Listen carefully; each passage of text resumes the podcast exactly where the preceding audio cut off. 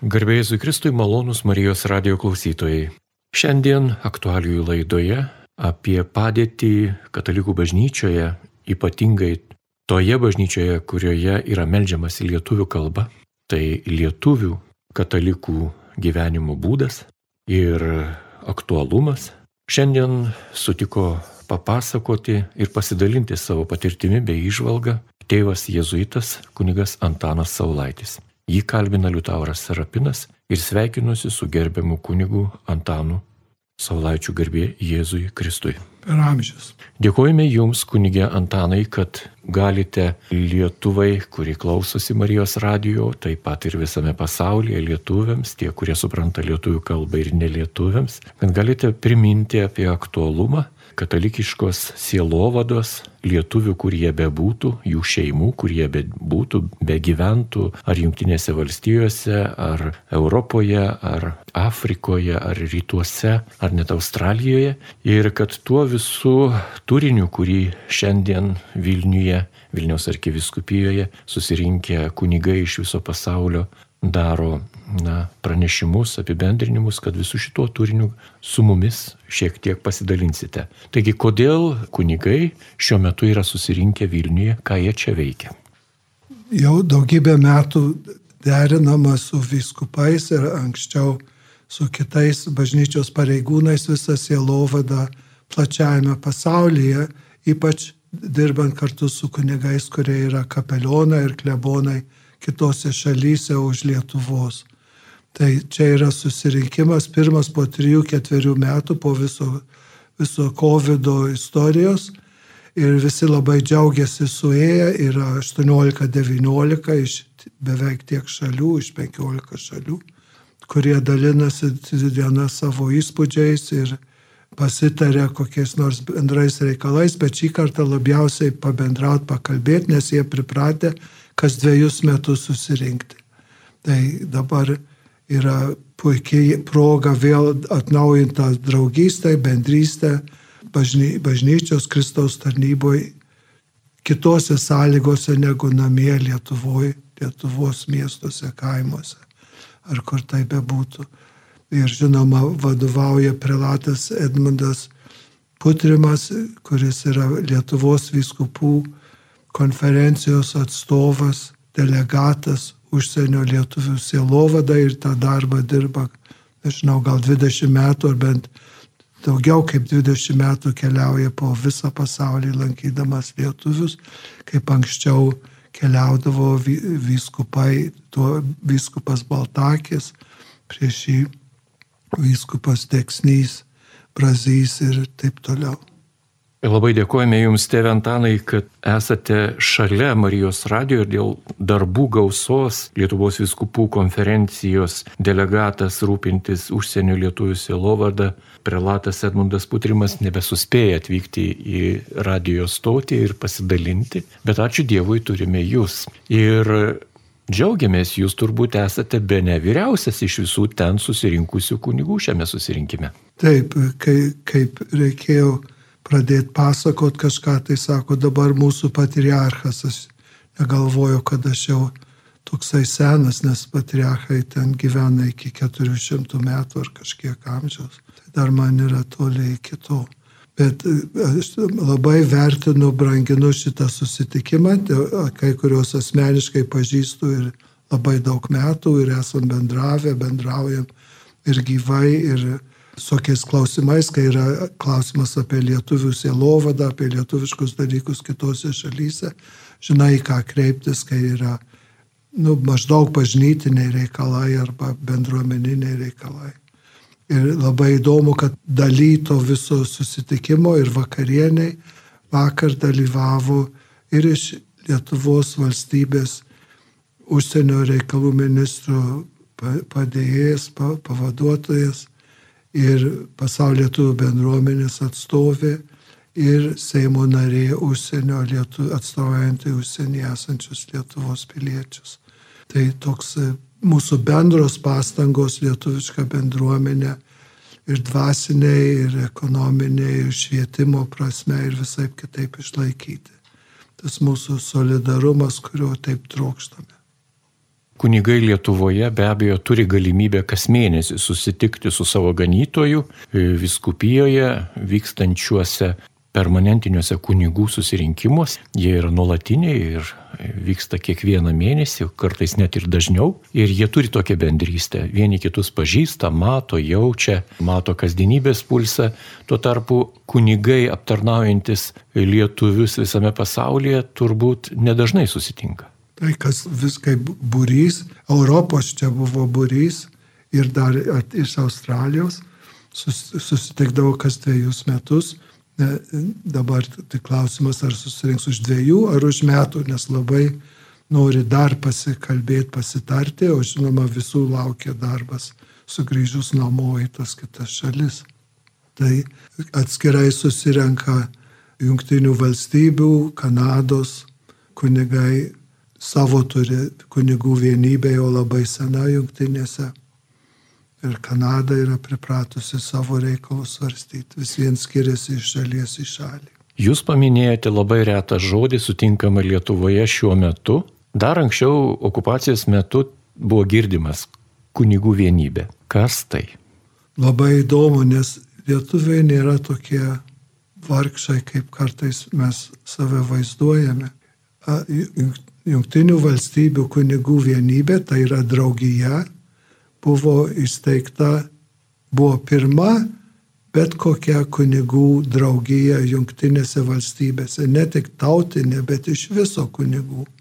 Tai lietuviai kunigai matė ypač Pensilvanijoje, Angliakasų ir rytuose kitos pramonės, kapelionai, žmonių, kurie dirba tose pramonėse, kapelionai, klebonai Jie labai anksti suprato, kad reikia kartu daryti. Kviesti kitus kunigus padėti, išleisti knygas, renkti visokius dalykus, susitikimus ir versti maldas ir taip toliau. Visas tas yra dokumentai, yra randami, aišku, archyvuose ir bibliotekose. Be galo įdomiai jie davė pavyzdį kitiem kunigams susiburti ir iš viso, kad būtų kokia nors bendrystė, ne tik viskupai, bet ir kunigai veikliai dalyvautų ne tik savo darbą dirbtų, bet tą bendruomeninę bendrą dalį. Malonus radio klausytojai, jūs girdite laidą, kurioje apie užsienio lietuvių sielovardą šiandien pasakoja jėzuitas tėvas kunigas Antanas Saulaitis. Jį kalbina Liutauras Serapinas ir noriu klausti. Turbūt šį kartą susitikę čia Vilniuje kunigai iš viso pasaulio turėjo ką pagalvoti ir gal akcentavo tą didžiulę bėdą, didžiulę nelaimę, kuri yra ištikusi Europoje gyvenančias krikščionių tautas, tai karą. Karą, neteisingą, grobonišką, teroristinį karą, kai Rusijos federacija užpuolė Ukrainos valstybę. Ar kunigai akcentavo šią aktualią temą, ar buvo apie tai kalbama? Labai mažai, kadangi čia susirinkimo tikslas kitoks, nėra tik pabendrauti, buvo paliesta, ypač kai buvo pranešimas apie Baltarusiją, kad e, labai sunku yra su, tas, tas susipriešinimas. Dabar Baltarusijoje jau uždarė arba žada visai uždaryti lietuviškas mokyklas gerviečiuose ir rimdžiūnuose. Ir e, tas kunigiškas patarnavimas yra apsunkintas, nes yra ir vizų klausimas ryšys su baltarusiais, kurie yra užsienyje arba pirmyn atgal keliautų, keliauja. Ir žinoma, Ukrainoje yra kunigų, kurie moka lietuviškai, vyresnio amžiaus kunigai. Tai tik tas buvo paminėta, bet nebuvo svarstyta nieko apie karą ir ten pagalbą ar ką nors tokio, nes čia dega tas reikalas, kaip geriau padėti, patalkinti lietuviam katalikams Europos kitos laisvose, maždaug laisvose šalyse. Kokia padėtis? Ar galėtumėte truputį pasidalinti tomis mintimis, kurios buvo šiandien vartomos jūsų, jūsų dokumentuose, jūsų susirinkimo temose? Kokia padėtis Europoje, katalikų bendruomenėse, kuriuose gyvena lietuviai? Tai viena grupė, jeigu galim pasakyti, viena vieta yra tradicinės Lietuvos, istorinės Lietuvos žemės, kur būtų Punskas ir Senai, kur yra dabar, sakysim, užsienio lietuviai, bet jie ten gyvena 10 tūkstančių metų. Tai Čia kitas atvejis yra ir gyvenimo būdas, ir sielovada. O visi kiti užsienyje jau yra pavojuje, taip sakant, nutautėjimo ir, ir tikėjimą prarasti. Gal reikėtų dar paminėti, kaip čia minėta apie karą, kad yra vienuolė, kuri dirba karaliaučiaus rytį, Kaliningrade ir neatvyko į šitą susirinkimą, turėjo, kunigas yra miręs, tai yra vienuolė, kuri rūpinasi ir ji nenorėjo atvykti, tam pritarė Pilatas Putrimas, kad gal negalėtų grįžti atgal į, ir lietuviam patarnauti. Tai čia labai toks jau ryšasis, kaip sakau, su karu. O paskui labai įvairiai, sakysim, Vokietijoje yra du lietuviai kunigai, aptarnauja visą eilę miestų, miestelių ir vietų, neskaitant vasario 16 gimnazijos, kur yra jau išimtinė vieta. Ir turi pamaldas ten įvairiai, kai kur kas savaitę, kitur kas mėnesį, laidotuvės, krikštynos vestuvės atskirai susitarta. Ir abu jie, kaip ir nuo pat pradžių sielovada Vokietijoje, turi ta, dirbti ir vokiškoj parapijoje.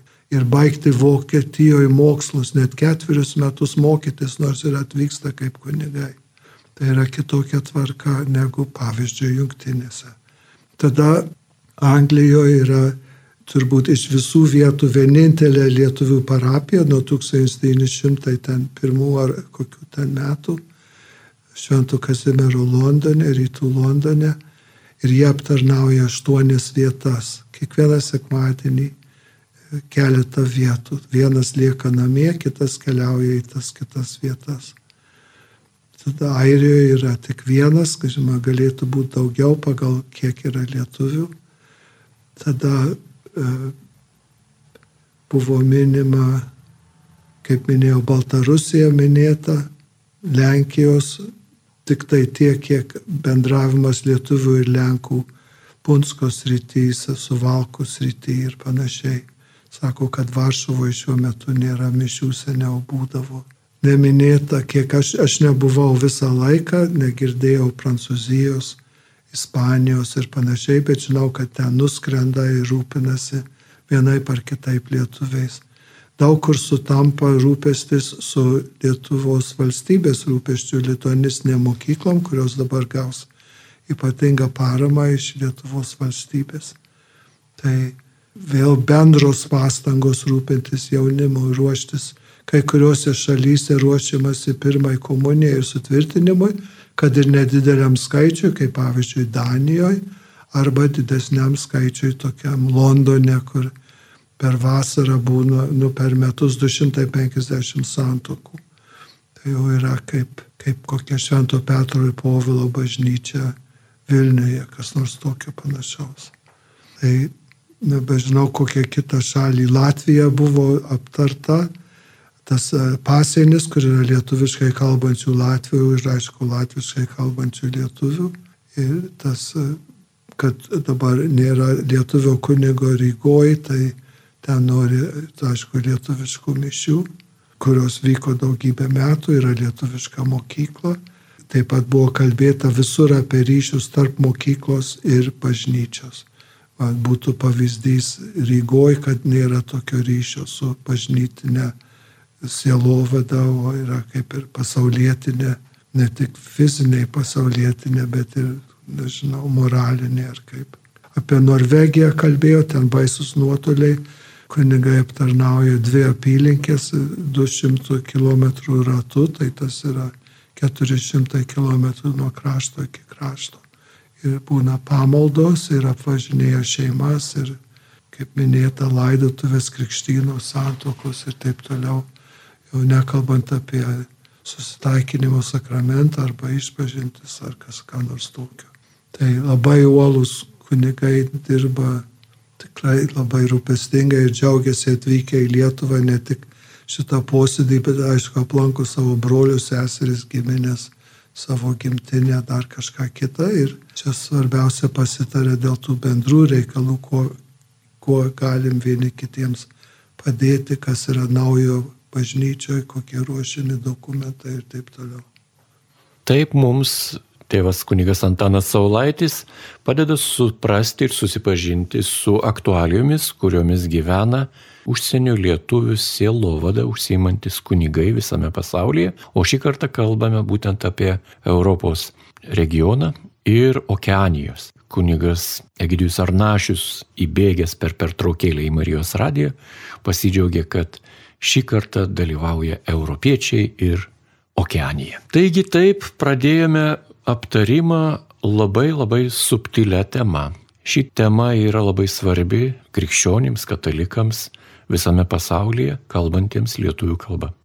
Tėve Antanai, man teko šią vasarą buvoti Luksemburgė, krikštytinio pirmosios komunijos šventėje. Ir ši šventė vyko Luksemburgo anglakalbėje parapijoje, mišios buvo aukojamos anglų kalba ir dalyvavo be ne 20 pasaulio valstybių vaikai tame tarpe ne vien iš Europos, bet ir iš artimųjų bei tolimųjų rytų, Indijos, Australijos, Pietų Amerikos. Ir kiekvienas vaikutis, kuris tuo metu pirmą kartą priėmė į savo širdelę Jėzų, savo kalbą išsakė maldavimus. Mišių liturgijoje yra tokia dalis mišių, kai vaikai ir ne tik vaikai, bet mes pasakome intencijas maldavimus. Skambėjo viso pasaulio kalbos. Reikia pasidžiaugti, jog lietuviškai intencijas kalbėjo penki, berots ar keturi vaikučiai.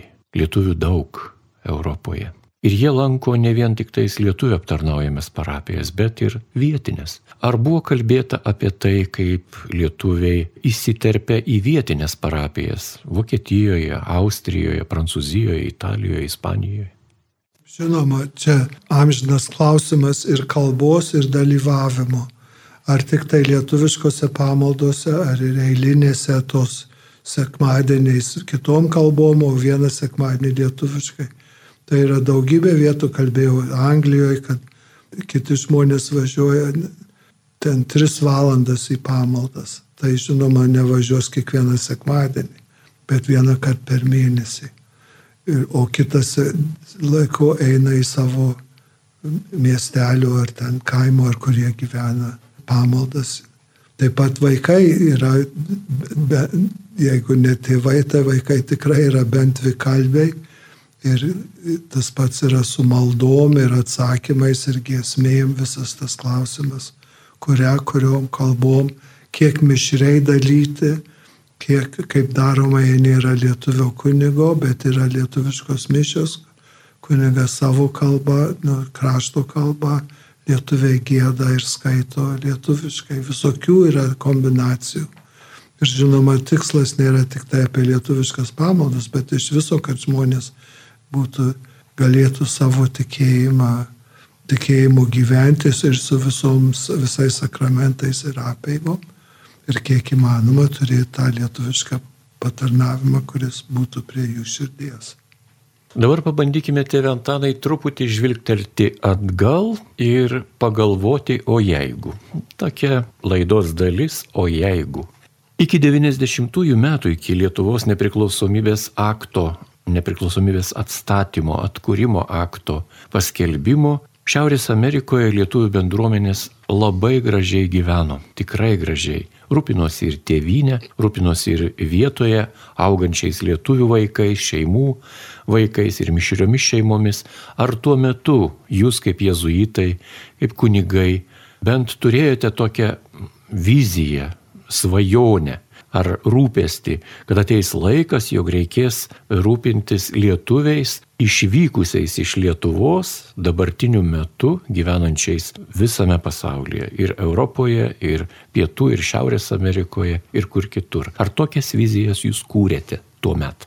Kad lietuviai išvažinės iš laisvos Lietuvos, visiems rūpėjo, kad reikės rūpintis Lietuvai padėti atsistoti ant kojų ir todėl reikia leisti knygas, kurti dalykus, reklamuoti visur Lietuvos bylą ir taip toliau, kad Lietuva galėtų būti laisva ir galėtume, sakysim, jezuitai, mes galvojom, parduosim, ką turime jungtinėse ir važiuosim į Lietuvą. Tokia buvo mintis, kaip kiti sugrįžti, nors numirti Lietuvoje. Ir jeigu negalėjau numirti, tai dabar jų vaikai ir anūkai pelenus parveža į kaimus. Tai čia neatstatysi, kaip, kaip tas panašu į šiandien. Bet laisvė tai davė. Žmonės išvyksta iš Lietuvos ilgesniam ir trumpesniam laikui. Vieni grįžta, kiti ne. Taip. Ir tikyba, tikybos pradžiamokslis, kaip mes sakome, katekizmas ir vaikų sielovada išlieka aktuali, kur jie bebūtų.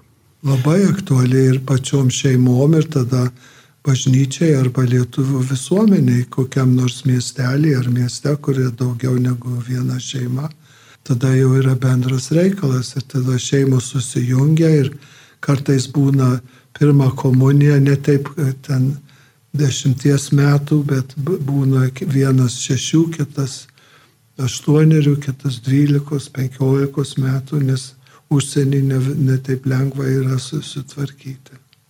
Pakalbėkime dar vieną temą, nėra atskira tema, įsusijusi. Ar pakankamai yra katalikų bažnyčioje kunigų, kurie atlieka darbą Europoje su lietuviškai kalbančiais katalikais, ar tas 20-30 vyrų, na, pridėkime ir moteris, seseris, kurios vienuolis būdamos irgi tą patį darbą daro evangelizacijos ir katekizmo mokymo vaikučiams programas pateikia. Ar tokia kariuomenė yra pakankama? Aišku, kad ne. Nei Lietuvoje, nei, nei užsienyje, bet reikia daryti su tuo, ką nedėjoti, bet žiūrėti, kaip mes galim pagerinti padėtį ir taip kaip čia palaikydami vieni kitus, paruošdami bendrą medžiagą, kuri tinka užsienio žmonėm, kurių galvosina yra kitokia negu Lietuvoje, galvosina ir patirtis, ir reikalai, ir laiko, ir jėgų ištekliai yra kitokie, jiem paruošti tokią medžiagą, kad jie galėtų bet kokioje šalyje tuos religinius dalykus naudoti, pasinaudoti jais. E, taip kaip dabar per norom, nenorom, per pandemiją galėjai bet kokioj pasaulio šaly lietuviškas pamaldas žiūrėti, dalyvauti nuotoliniai. Tai jau yra tam tikra pagalba, kad žmonės gali surasti tą lietuvišką žodį ir giesmės ir visa kita, nors nėra tas pats kaip dalyvauti grinai fiziniai bažnyčiai. Žinoma, 30 kunigų Europoje stipri atrama turbūt evangelizacijos darbe būtų pasauliečiai. Ar ši tema buvo paliesta jūsų susirinkime? Netokioj plotmei, kad pasauliečiai imtų iš Lietuvos išvažiuoti ir kažką daryti. Bet kiekvienoje vietoje, aišku, yra ir buvo kalbėta apie tai, kad yra žmonių, kurie parapijoje arba ne parapija, misija, kaip ten besivadintų, toj sėlovadoj talkina ir ruošia pamaldas ir gėda ir skaito ir visa kita, ne kad kunigas atvažiuoja stebuklus, daro ir išvažiuoja, bet kad visa vietinė bendruomenė viską paruošia, papuošia, sutvarko. Ir paskui labai paminėta, kaip svarbu po pamaldų vaišės. Yra tokių šalių, kur tradicija yra Danijoje berots, kad visada po mišių yra vaišės nesvarbu kokie žmonės, kokia tautybė ar kas nors tokio, dar kažkur kitur irgi visada yra vaišės. Tai tas visas bendravimas ne tik atliekti bažnyčią ir išliekti, bet kartu pabūti, pabendrauti. Tai ir čia aišku žmonės tą viską ruošia. Ten, kur aš kartais, bu, maždaug kartą per metus, jau šešerius metus vykstu į Helsinkį, į Suomiją, viską padaro žmonės. Aš tik turiu išdrosti pamokslą, išbarti žmonės, kad jie gerai jaustųsi ir tada viskas gerai. Na, jūs nebarate žmonių. Nu, aš tik tai pasakau jau dramatiškai. Kartais dramatiškumas yra reikalingas, jisai paryškina tam tikras spalvas, nutažo ryškesniais atspalviais mūsų gyvenimo paliktas brydės, jos yra labiau matomos, iš jų galima padaryti geras išvadas, pamokas. Ačiū Jums, tėvė Antanai, už pasidalinimą. Na ir dar viena tokia tradicinė tema, kuri yra visada susijusi su sielovada lietuvių užsienyje, tai yra specifinė niša, kurią kūruoja pats prelatas Edmundas Putrimas, tai yra kaliniai. Kaliniai įvairiose valstybėse, ar tai būtų Europa, ar būtų kiti žemynai, O Europoje, Vokietijoje, Prancūzijoje, Italijoje, Danijoje, kur kitur, ar kalinių lietuvių sielovada buvo kaip nors iškelta atskirų klausimų? Aš negirdėjau atskirų klausimų, išskyrus, kad prelatas Putrimas neseniai, balandžio, aš bijau mėnesius sumaišyti, balandžio mėnesį buvo Peru, tas yra Pietų Amerikoje. Ir ta, ten daugiau buvo lietuvių anksčiau, ir vyrų, ir moterų. Dabar tik likę trys lietuviai ir vienas latvis, ir jis buvo nuvykęs žiūrėti, ar negali jų anksčiau paleisti. Jie nuteisti 15 metų, išbuvo 12 kaip nors pajauni žmonės, buvę tie vadinami mulai, kur narkotikus neša. Ir paminėjau, kad čia nėra lietuvių sielovados Japonijoje dar, bet yra lietuvių kalėjimuose, kaip tik dėl tų pačių, kad nešė per sieną narkotikus. Tai aš atsimenu, buvo kalba ir apie senais laikais, ir apie Europos valstybėse lietuvius kalėjime ir pastangos ištraukti ir Anglijoje, ištraukti iš kalėjimo galima, jeigu žmogus kažkur bus prižiūrimas, tai susitart su lietuviais kažkokioj šaly, kokiam mieste, kurį žmogų globotų, tai iš kalėjimo anksčiau išleidžia. Tas viskas buvo daroma arba dabar daroma.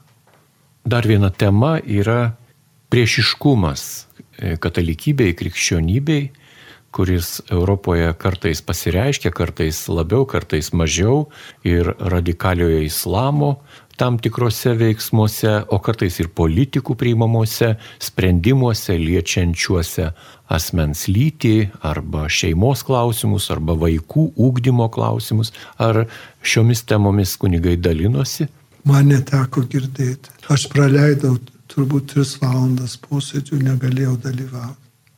O apie padėtį, kad katalikai jau atvirų būdų kai kur yra persekiojami ir, na, yra ir žūtis ir mes tą girdime iš Vatikano radijo arba Vatikano internetinio puslapio, nuolatos skelbiamas tas aukas. Kaip jūs, tėvė Antanai, žiūrite į tokias aukas, kurios vyksta civilizuotame pasaulyje, vyksta įsivyščiusiose šalise ir kur kitur?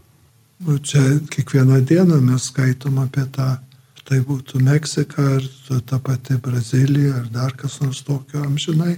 Tas vyksta nieko, nieko naujo pasaulyje ir tiesiogiai su lietuvių sielovada nesiriša, išskyrus, kad mes, mums rūpi ir visuotinė bažnyčia ir, ir kitos tautybės, kiti reikalai, sakysim, tautiniai arba etniniai reikalai kitų tautybių, bendruomenių gyvenimo būdas ir taip toliau.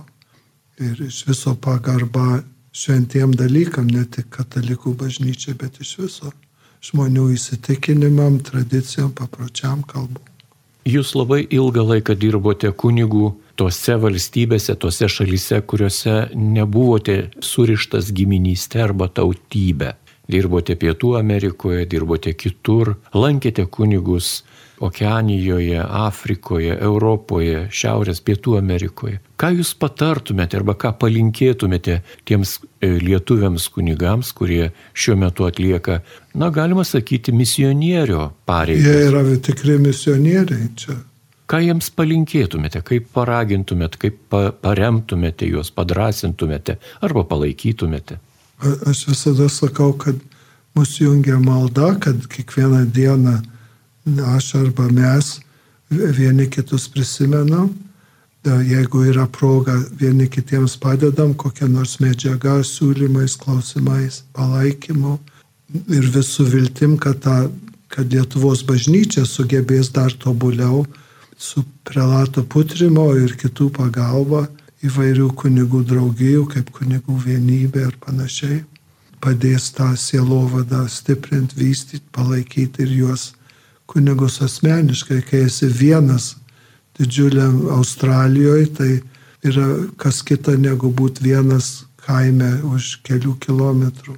Tai labai svarbus tas palaikymas, draugystė ir už tai šitas susitikimas yra toks svarbus ne tik dėl to, kas aptarta, bet tai, kad jaučia, išgyvena bendrystę to pašaukimo nešti gerąją naujieną savo tautiečiam ypatingose sąlygose kitose kultūrose.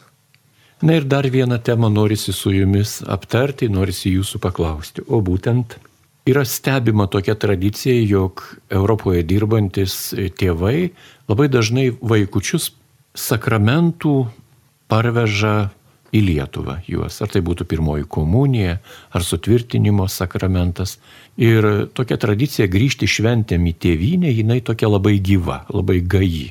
Net jeigu ten yra ir įleidę gilę šaknis arba šeimos yra netgi, sakykime, dviejų kultūrų arba dviejų tautų, tėvelis priklauso vienai valstybei, mama lietuvė arba atvirkščiai, vis tik grįžtama į Lietuvą. Apie šias tradicijas, kaip manote, tėventanai, šios tradicijos jos yra tik dėl tokio, na, kad pripratimo, ar, ar dėl to, kad proga aplankyti tėvynę, ar tai yra kažkas daugiau vis tik tais?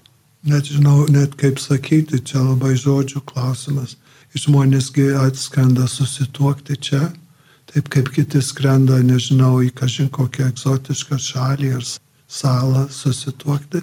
Tai čia yra tas pats su pirmą komuniją ar vaikų krikštynom arba džiaugiasi, jei gali būti e, kokį nors kitą sakramentą priimti, kiek pelenų parvežama iš užsienio, nėra sakramentas, bet yra žmogus visą gyvenimą svajojo grįžti į Lietuvą, tai nors vaikai ir anukai pelenus parveža ir palaidoja. Tai ta trauka, tėviškės trauka yra nuolatinis dalykas.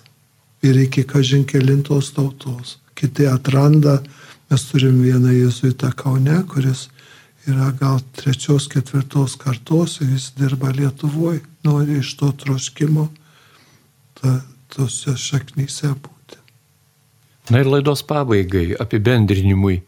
Krikščionys yra keliaujantis. Tiek tautinė prasme, tiek tikėjimo prasme, tiek kultūrinė prasme. Ir ta kelionė niekada nesibaigs. Ir užsidarimas kažkokiuose, na, siaurose rėmuose, ar jie būtų tautiniai, ar jie būtų kokie kultūriniai, turbūt yra nelabai vykęs pasirinkimas. Kaip Jūs manote, tėvė Antanai?